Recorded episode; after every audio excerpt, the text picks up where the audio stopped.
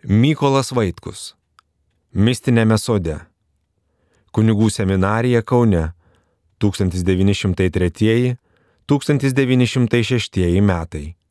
Atsiminimai.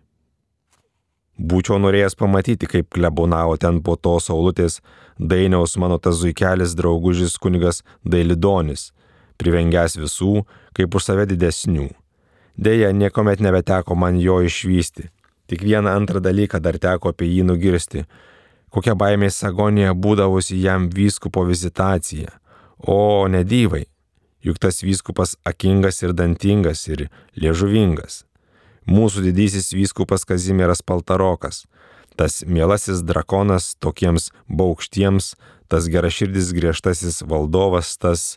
Na, ar bereikia pridurti ką apie tą herojų kankinį, kuris tarp plėšrių žvėrių vienas vyskupas likęs, 80 metų senelis, nuostabiai narsiai bei ištvermingai nešė savo kaip kalnus naštą, kai kiti jau requestsunt in pace. Vadinas, mūsų kiškutis, paistrio klebonėlis, vyskupui apsilankius, jautėsis lyg neturys kur dėtis, kaip jo ekscelencija turės kaip kūdikį guosti, girdi, nebijok, nebijok, nesuvalgysiu. Betgi ir kitokio tipo dalyką man kažkas pasakojo apie tą mielą į Dailidonį. Jam važiuojant geležinkeliu tekė būti viename skyriuje su dviem lenkiškai kalbančiom panaitėm. Jom šitas kunigėlis atrodė toks mizernas, jog jos pasidavė pagundai viena antrai garsiai išreikšti savo tą nuomonę. O kad tas prašiokėlis nesuprastų, jos tai padarė prancūziškai. O kunigiokas sėdis savo kerčio ir lyg niekur nieko tyli. Bet štai vienoje stotyje stojas, ruoždamasis išeiti ir išeidamas mandagiai atsisveikina, tardamas maloniai ačiū už tokią mielą draugystę bei įdomų pašnekesį. Visą tai dailiai prancūziškai. Galime įsivaizduoti, bet verčiau neįsivaizduokime, ką tos gražuolės išgyveno tuo momentu. Bet grįžkime prie to mažo, gyvojo, mandagiojo profesoriaus Loviamenskio. Jis dėstė ne vien bažnyčios istoriją, bet ir lotynų kalbą. Pas jį mokytis buvo malonu, nes jis buvo geras dėstytojas ir praktiškas reikalautojas. Anuomet skaitėme su juo senovės krikščionių rašytojo Laktancijos Firmiano, maždaug gyvenusio 260-340 metais veikaliuką apie persekiotojų mirtis.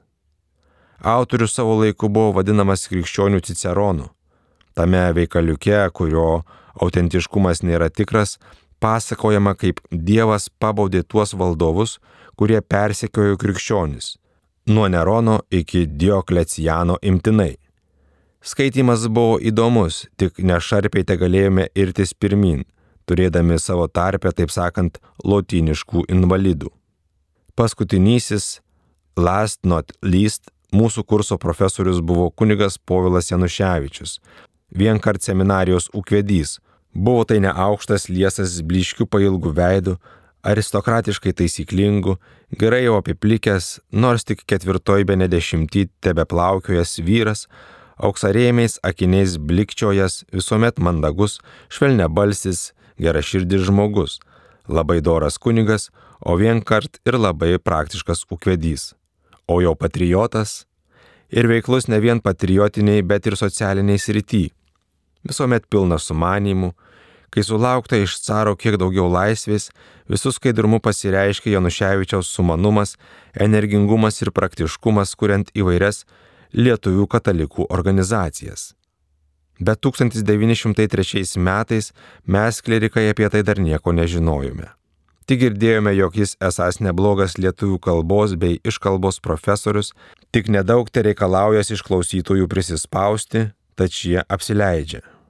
Gal jis ir negalėjo smarkauti, lietuvių kalba anuomet dar nebuvo įsigijusi seminarijų reikiamo autoriteto, nes dvasiniai viršininkai į ją žiūrėjo kaip į malum necesarium.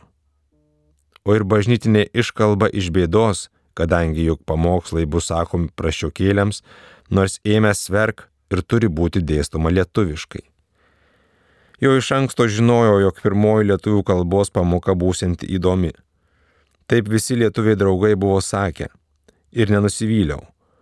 Profesorius Januševičius, slapyvardžiu draudžiamojoje spaudoje Petras Gražbylys, neblogai pasiruošęs gyvai entuziasmingai kalbėjo apie lietuvių kalbos senumą, gražumą, jos vertę kalbų mokslams. Išgirdau ne vieną savo naują dalyką. O ir visą tai glostyti glosti tautinę savimylą ir silpnino žemesnumo kompleksą. Ir dar, profesorius papasakojo naują įdomų dalyką apie lietuvių kalbos ribas, jos tarmes bei šių ribas. Išėjome iš paskaitos, užsidegę dar didesnę lietuvybės meilę ir geriau susipratę kaip lietuvių tautos nariai. Betgi jo kalbos mokymas turėjo ir vieną šešėlį. Jis buvo įsikibęs į jauniaus rašybą, tik truputį ją suprastinės. Atitinkamai buvo parašęs ir išspausdinęs savo kalbos vadovėlį, iš kurio turėjome lietuvių gramatikos bei rašybos mokytis. O ta jo rašyba stipriai skyrėsi nuo Kriaušaičio Jablonskio, kurio laikėsi visi kiti lietuviai inteligentai, išskyrus nebent Jakštą Dambrauską, kuris turėjo dar kitonišką rašybą su neplačiu savo sekėjų ratu. Beje, mažojo Lietuvai buvo jau bei iškylas vidūnas su dar kitoniška rašyba kuri tačiau neturėjo plačiojo Lietuvoje įtakos. Bet tas Petro Gražbiliaus įspyrimas turėti savo rašybą mums, Kauno klerikams, buvo labai neparankus.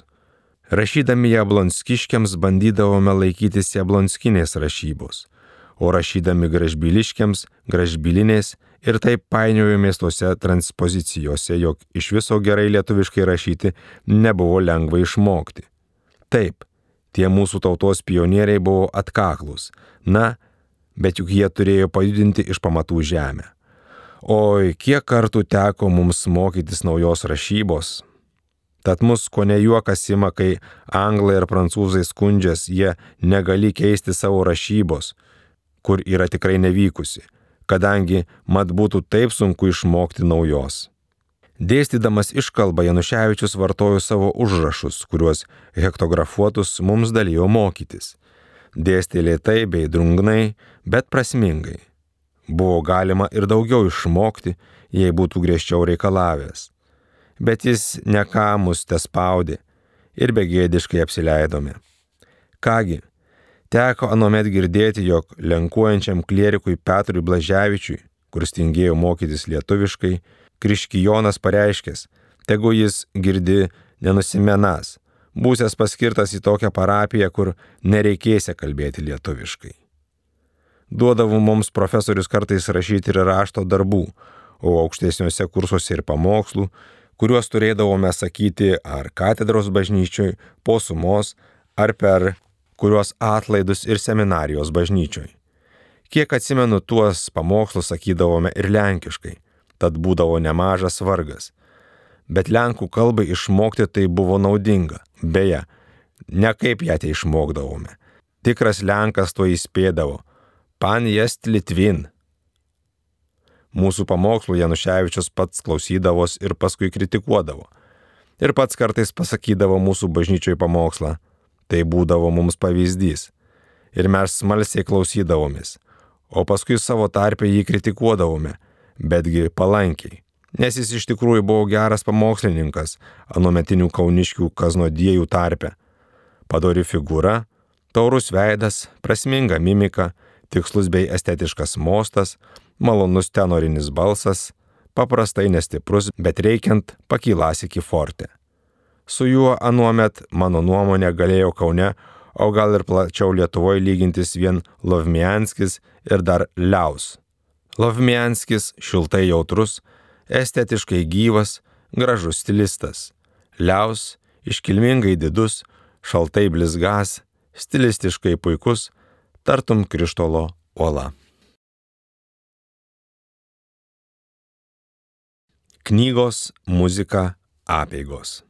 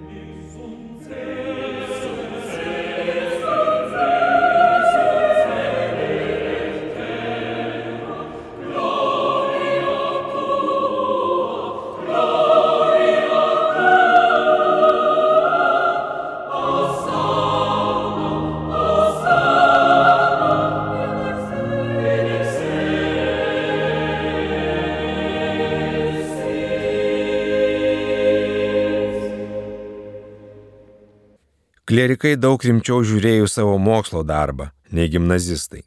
Ir stengiasi ne vien vadovėlius išmokti, bet ir pašalinių rimtų knygų pasiskaityti. Šiaip jau beletristikos beveik neskaitydavome, nebent perskaitydavo lietuviškasias pasirodančias apysakaitės ar eilėraščių knygutes, kurių maža te būdavo išleidžiama. Gal dar mažiau būdavo spausdinama rimtesnio turinio knygelių, kurias klerikai turbūt visas perskaitydavo. Bet to neužtekdavo, tekdavo ieškotis knygų svetimomis kalbomis. Geriausiai mokėta rusiškai, bet rusiškų tinkamų knygų te buvo maža, tekdavo griebtis lenkiškų. Lenkiškoji tikybinė, filosofinė, mokslinė literatūra buvo apsti. O kaip su seminarijos biblioteka, kuri jau buvo sena ir didelė, Buvo jis sutalpinta erdvioj salėje, šalia švenčiausios trejybės bažnyčios, gotiškais kliautais, paremtais vidury salės kolonomis. Eilės aukštų lentynų, visos pilnos dideliausių, vidutiniškų ir mažų knygų, kitos senais veršio odos įraištais, kitos drobiniais ar kartoniniais, kitos ir visai neįrištos. Ir asloj daug kur krūvos suverstos. Inspektorius paskyrė tarp kitų ir mane savo padėjėjų tvarkyti knygynui ypač ruošti naujam katalogui.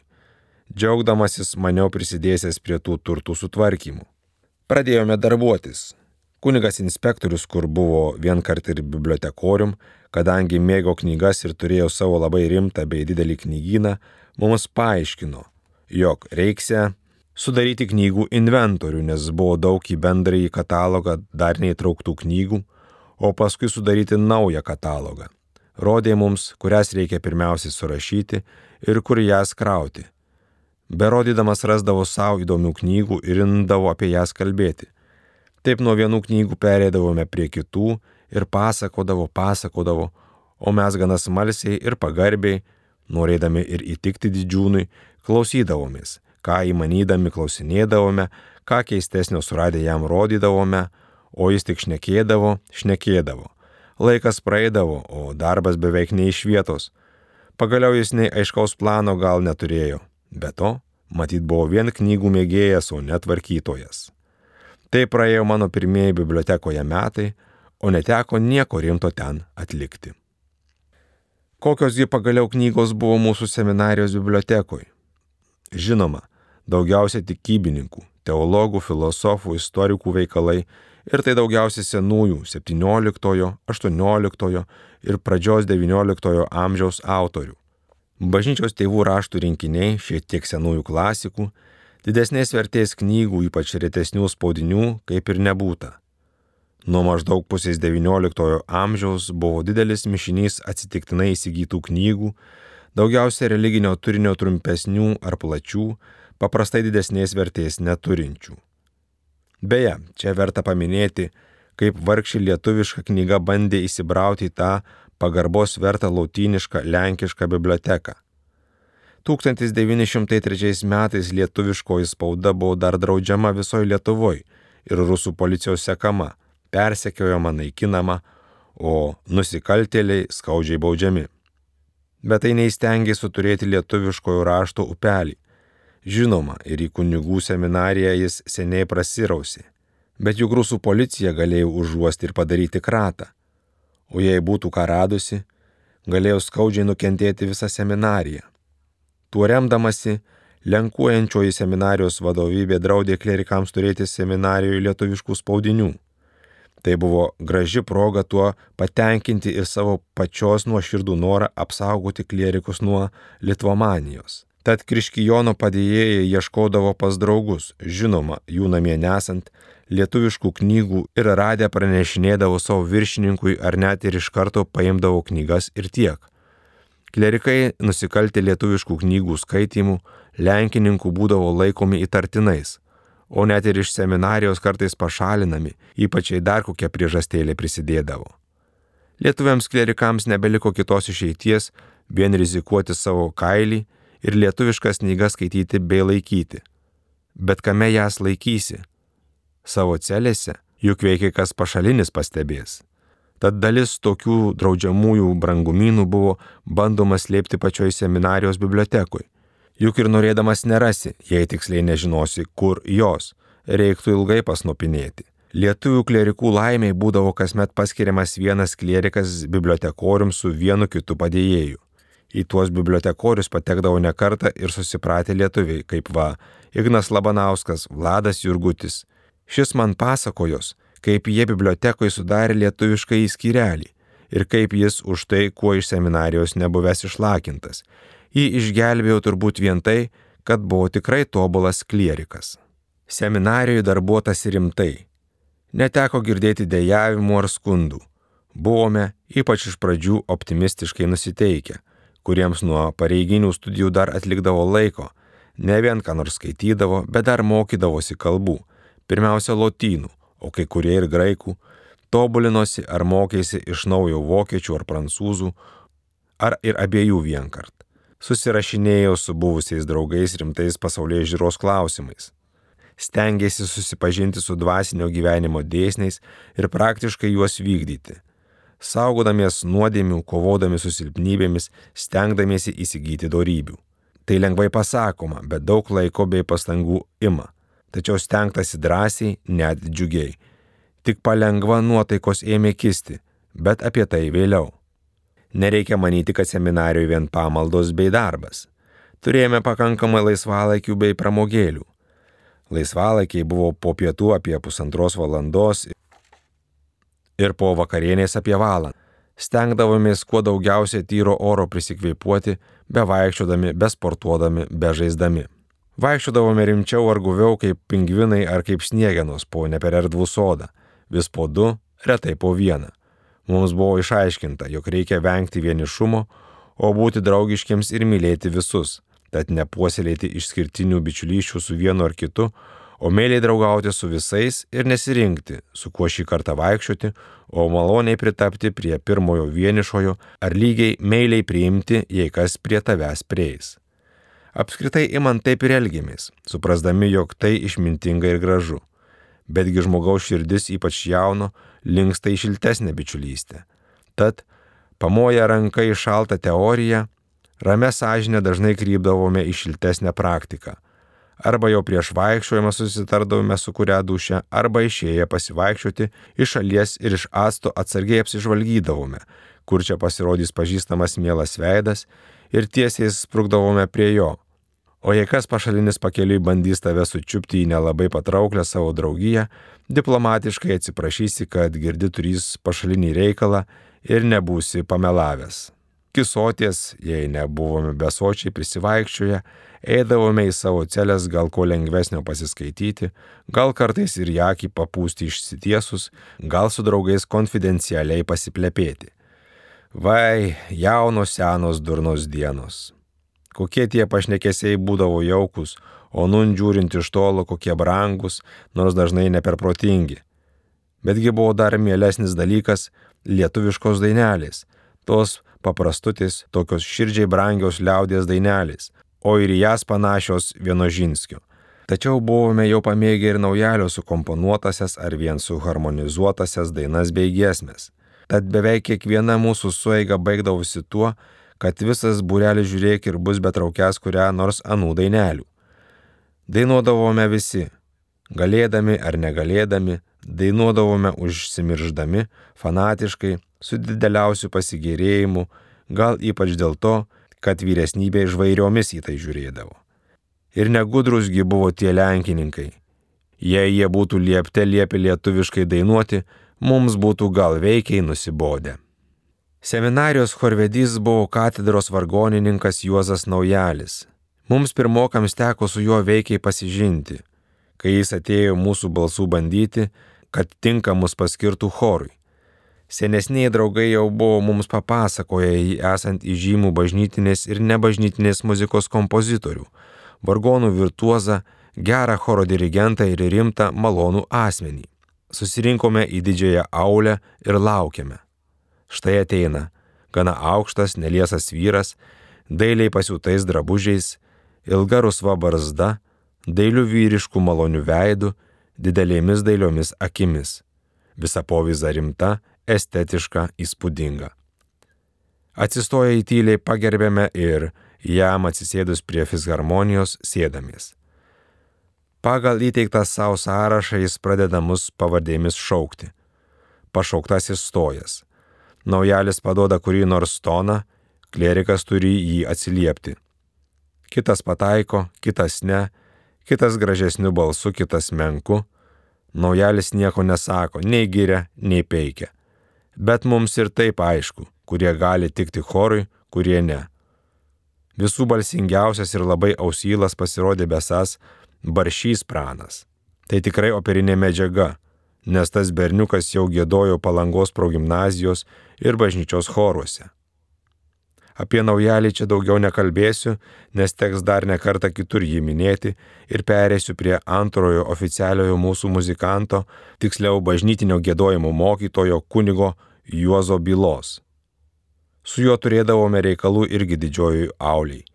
Prieš jam pirmą kartą pas mus ateinant, jau ir apie jį turėjome palankių žinių. Esas šaunus vyras, puikus basbaritonas, juokdarys aštrelė žuvis, mėgstas pašiepti netikusi gėdotoje. Iš visko buvo matyti, jog jis stipriai jaunimui imponavo ir buvo vienas iš didvyrių profesūroj. Tad mes naujokai smalsiai, bet ir su tam tikra baime laukime jo pasirodant. Ir štai pasirodė. Duryse stambus iš tuomens ir iš liemens vyras, didelę galvą, labai ryškių vyriškai gražių veidų, garsiai atsikrenkštęs jis narsiai žengė į jaulę, apmesdamas mus visus iššaukiančių paniekinamų žvilgsnių, sarkastiškai nusišypsojęs, tvirtas makrą atakuojamai iškišęs į priekį, didžiulius žandikaulius prasmingai sukandęs. Nagi, kas čia dabar bus, manome savo į kitas kitą gana bailiai žvilgčiodami. O tuo tarpu tas karžygys grimstamų žingsnių kaip pristikas, tartum sakyti sakydamas, na, žemė, laikykis. Priejo prie katedros, visai kunigiškai sunkiai atsiklaupęs, atkalbėjau įprastinę Venisanktę spiritus, ryštai stojosi, lygiai ryštai priejo prie mūsų sėdimųjų suolų ir lūštamai vieną šlaunim atsisėdo ant suoliuko. Ką darys toliau? Atsiskleidė Haberlio Gregorinio gėdojimo vadovėlį ir ėmė mums dėstyti lenkiškai pačius to gėdojimo elementus ir praktiškai iliustruoti juos savo balsu. O balsas besas garsus, sultingas, kultivuotas su nosiniu atspalviu. Kol jis pats demonstravo, tai gerai, bet kai ėmė versti mus pavokalizuoti, tai jau blogiau. Vienas girdi traukias kaip laivo sirena, kitas žvėgęs kaip jaunamas neraliuotasis, kitas šatkojas kaip kopūstų stakato, kur reikia gėdoti legato, kaip kūdikį lopšinę ir taip toliau. Čia teko mums ir rausti, ir pykti, bet ne per daug. Nežinojome jį blogai nemanant o pagaliau visiems to gero tenkant, tad nėra ko dėtis į širdį visi lygus. Tiesą pasakius, jis mums imponavo, mes juo didžiavomės, net savotiškai mylėjome. Ne vienas kuo įmanydamasis jį ir pamėgdžiojo, bet iš viršinių elgesių - sėdėti koją ant kojos užkėlus, rankas ant krūtinės sukryžiavus, akis į priekį herojiškai įbedus ir taip toliau. Beje, kuo neužmiršau paminėti dar vieno mokytojo, iš kurio man teko mokytis vien egzaminus vieną kitą kartą laikyti, kadangi jau buvau gimnazijoje praėjęs jo dėstomą į kursą. Tai Ruselį Aronovą, nedidelį liekną dailių veidų, rusva barzdelę, visai kaip profesorius Karsavinas, jei kas esate jį regėję. Buvau tai rusų kalbos, literatūros, istorijos, geografijos dėstytojas. Mat, Maskolių vyriausybė nenorėjo, kad katalikų kunigai per daug atitoltų nuo rusų kultūros. O mes žinoma tų dalykų visai nenorėjome. Čia arba kompromiso reikėjo, arba turėjo kilti kova, jei maskoliai būtų pasiryžęs spūstelti. Aronovas čia padėjo problemą išspręsti taikiai, kompromisu. Jis, susibičiuliavęs su Kauno mokyklų kapelionu Pronskiečiu, apsukriu liežuvingų kunigioku ir suėjęs į gerus santykius su kitais mažesniaisiais seminarijos valdovais, pasiryžo gelbėti padėtį. Kiek galima dažniau neateiti į pamokas, be galo mažai iš klerikų tai reikalauti, o per egzaminus, kadangi atvykdavo koks vyriausybės prižiūrėtojas, taip susimokyti su klerikais, kad ir vilkas paliktų sotus ir avelės sveikos. Viena mūsų malonių pramogėlių buvo muzika. Žinoma, į koncertus simfoninius ar kamerinius, kai tokie būdavo Kaune šauniai viešpačių rusų publikai suruošiami, mes negalėdavome nueiti. Pačioje seminarijoje rimtesnių koncertų nebuvo galima suruošti. Tai būtų buvę per brangu. Tik vieną kitą sykį patiems klerikams parengus kokią programėlę, koks iš šalies pakviestas nedidelio garso muzikantas pateikdavo įdomesnės muzikos, kaip va kauniškis specialistas smuikininkas Chresantovski, kuris mus stebindavo virtuozinę techniką, arba savamokslis gabus švelnių tonų smuikininkas Mykolas Leškevičius, kuris vėliau nepriklausomoje Lietuvoje grojo operos orkestre, arba kartais padainuodavo ir kunigas byla kokią religinio turinio giesmę, kartais originalų naujalio kūrinį. Radijo, žinoma, anomet dar nebūta, net gramofonų seminarijoje neturėjome, tad tekdavo patiems muzikos pasiteikti. Seminarijos vyresnybė kažkodėl nepagalvojo pakviesti instrumentinės muzikos mokytojų klerikams, norintiems tokios muzikos mokytis.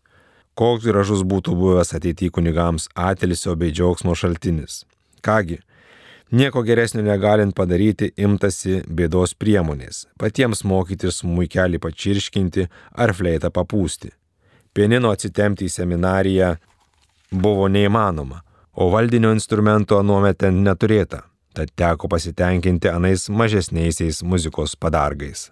O kokių dar pramogėlių seminarijai turėdavome? O maloniausioji tai ketvirtadieniais išeiti iš seminarijos mūrų į platybės, į miestą ar jo apylinkės pasivaikščioti ar net kokių sportinių žaidimų pažaisti.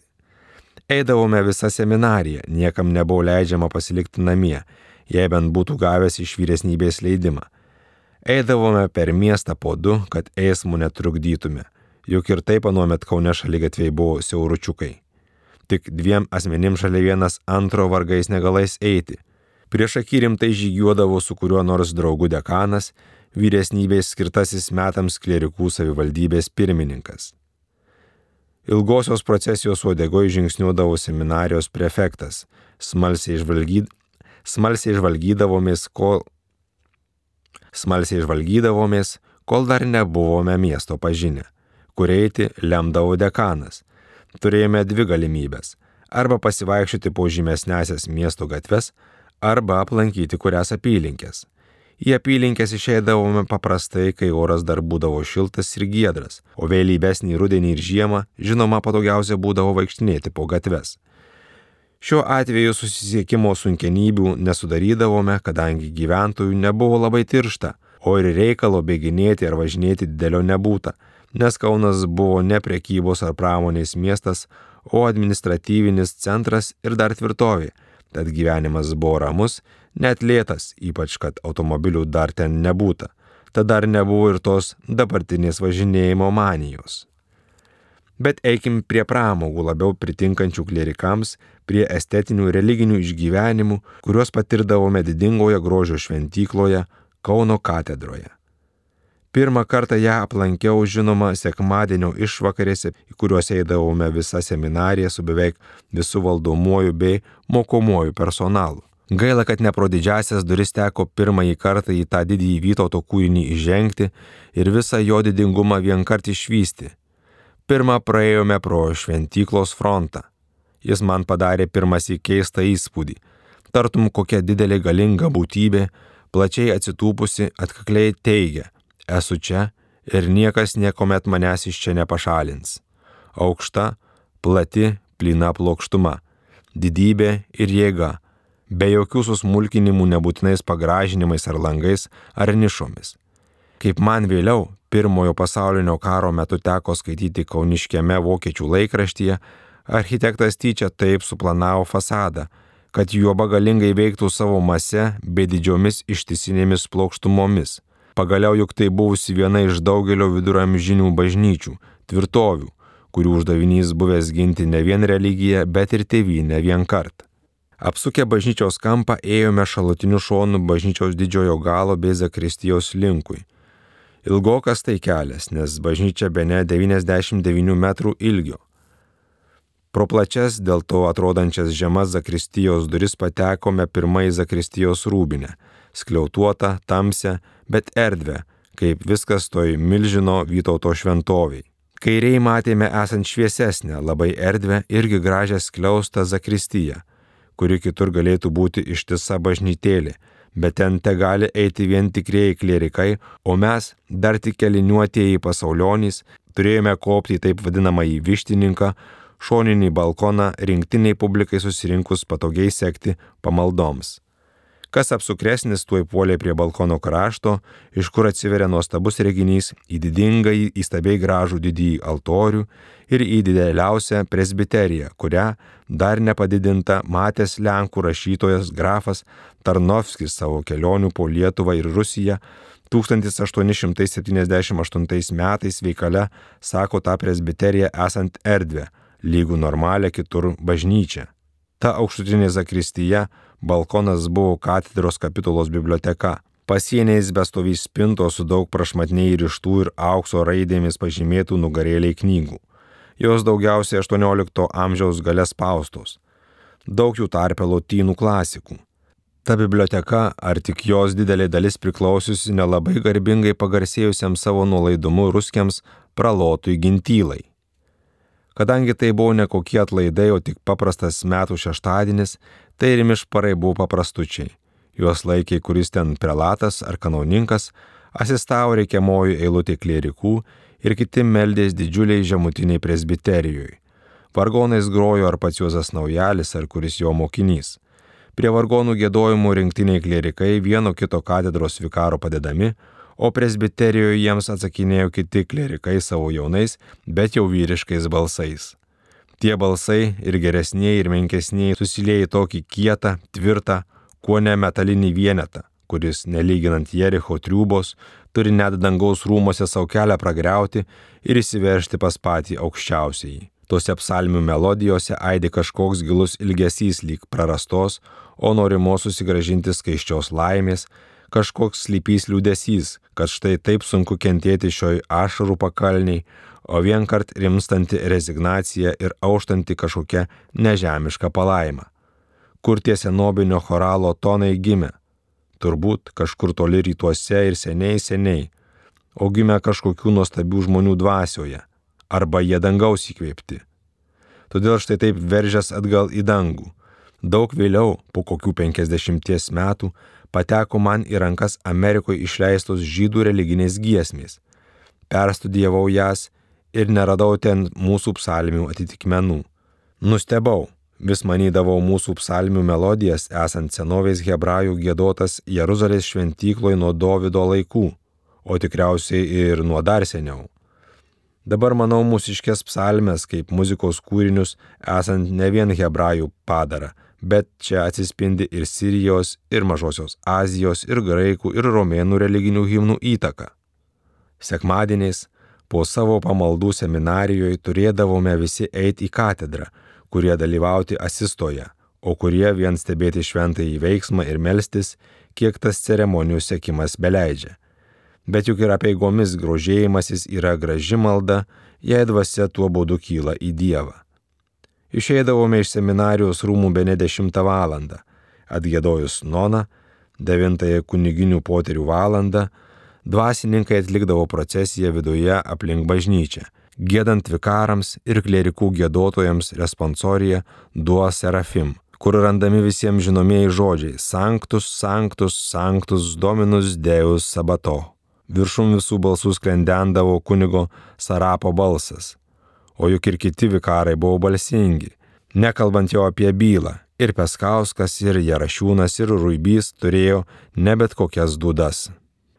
Paprastai šventadieniais per sumą gėdodavo klerikų choras, sustiprintas keleto katedros vikarų, o per įžymesnės šventės mišrus choras, mišrus ne ta prasme, kad būtų gėdoję draug vyrai ir moterys.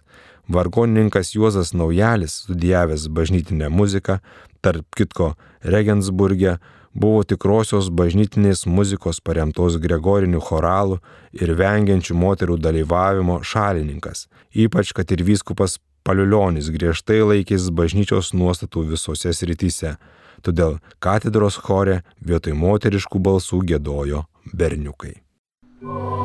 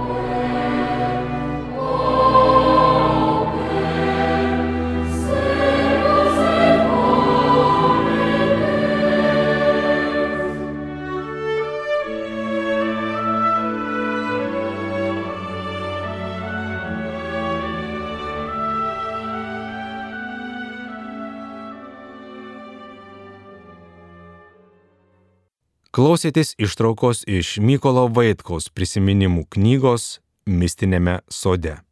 Skaitė Remigijus Endriukaitis.